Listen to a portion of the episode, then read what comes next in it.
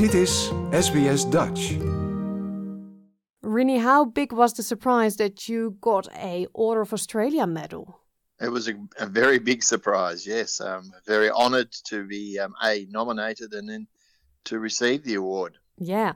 It is something very special. It is like in the Netherlands, the Lintjesregen, also around the King's birthday. Yes. Um, I know that in the Netherlands, people get very surprised. They take you to a place and you think you're going to have a dinner with someone, and then ta there's the mayor and he gives you the award. How did this go in your case?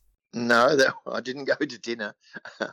um, what happens is that you receive a letter um, from the awards people to say that you've been nominated, and they, then a committee uh, determines whether you should receive the award.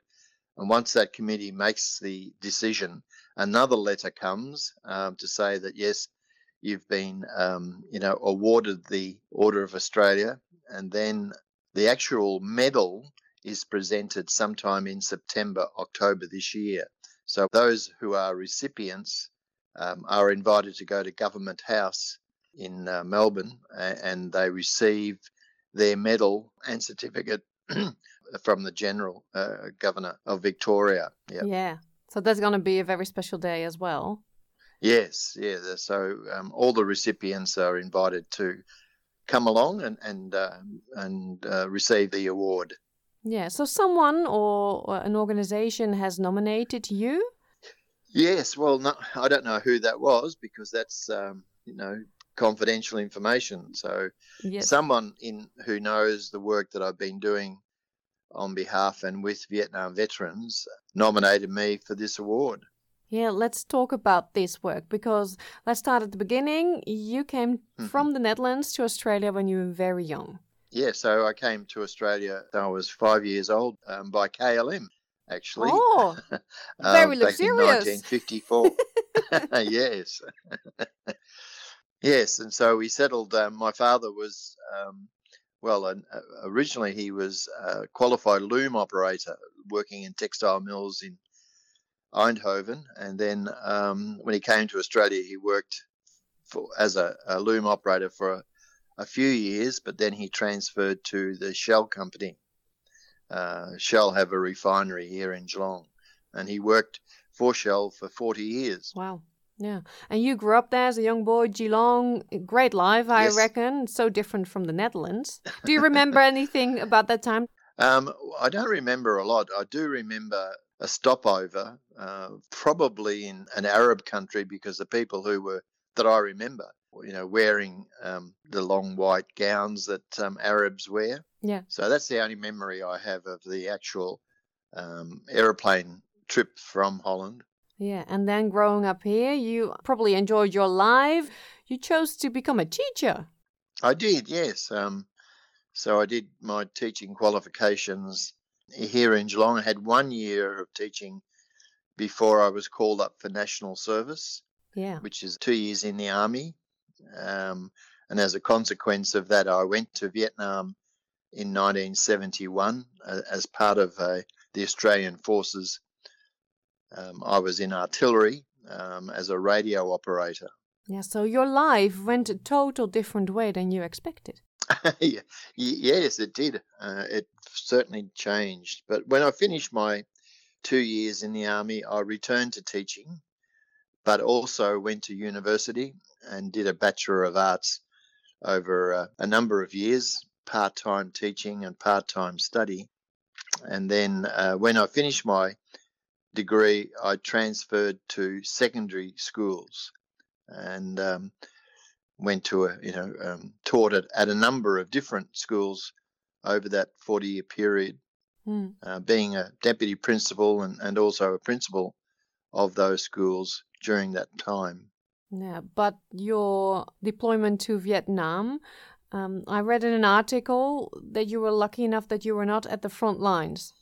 Correct. Yes. No, I was with artillery, and so we weren't at the front lines like the infantry uh, who were fighting soldiers. Um, so we were in the background and probably, you know, in comparison, quite safe.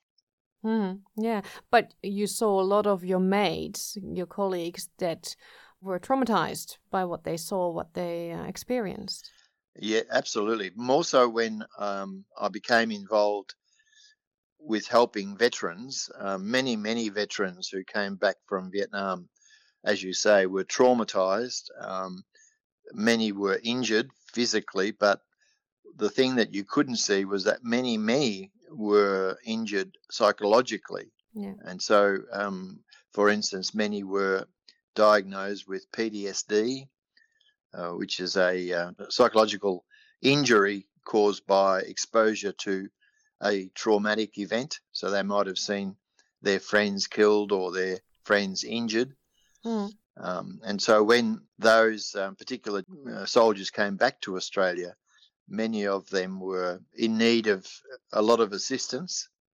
And that's where our association was helping them uh, to deal with their trauma and also providing assistance and support for them. Mm-hmm. Yeah, and our association is the Geelong and District Vietnam Veterans Association.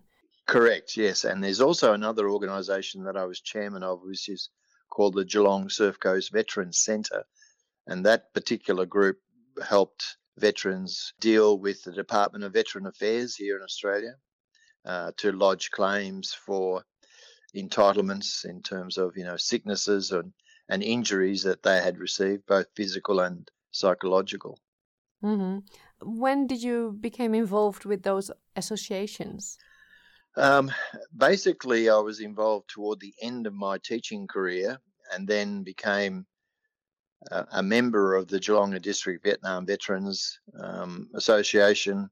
Because you were a veteran yourself. It, correct, yes.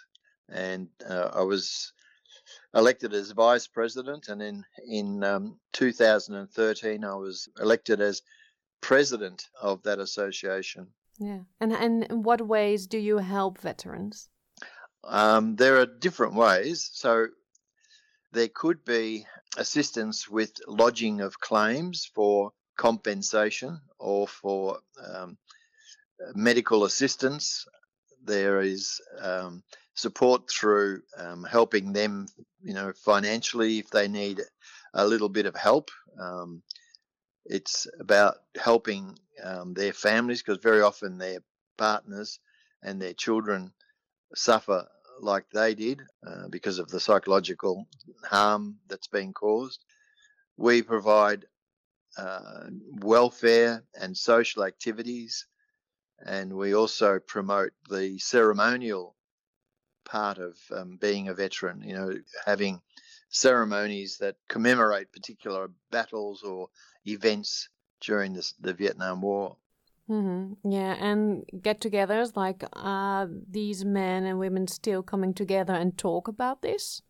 Yes. So every fortnight we have a lunch, and we invite our members to come along to those lunches, and it's an opportunity to, you know, um, develop friends and, and, and support each other, fellowship, camaraderie, and also um, to have a bit of fun. We have a raffle, and that's always a big laugh.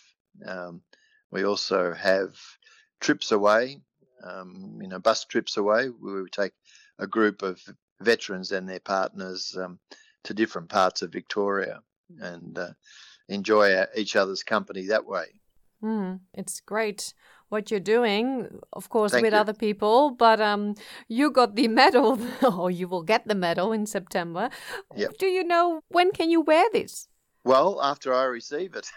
yes, exactly. But then, what kind of occasion? the only thing, yeah, the only thing I can do now until I receive the uh, the award itself, the the medal, is to put OAM behind my name. Yes, that's already special. Not everyone can do that. That's right. Well, I had a letter from the governor which was addressed to me, Rieny Anthony Nieuwenhof, OAM. So that was very special. Yeah. Uh, is your family proud? Uh, yes, my wife's very proud. My daughter and son are very proud. Uh, my parents passed away many years ago now. They must have been proud. They, they, I, I they- think my mother would This have been so very proud. special. Yeah, that's right. I've got medals for my war service, so this new medal will be added to the medals I already have. Well, I thank you very much for your time no and um, congratulations. Thank you, Pauline. Much appreciated. Like, deel, geef je reactie. Volg SBS Dutch op Facebook.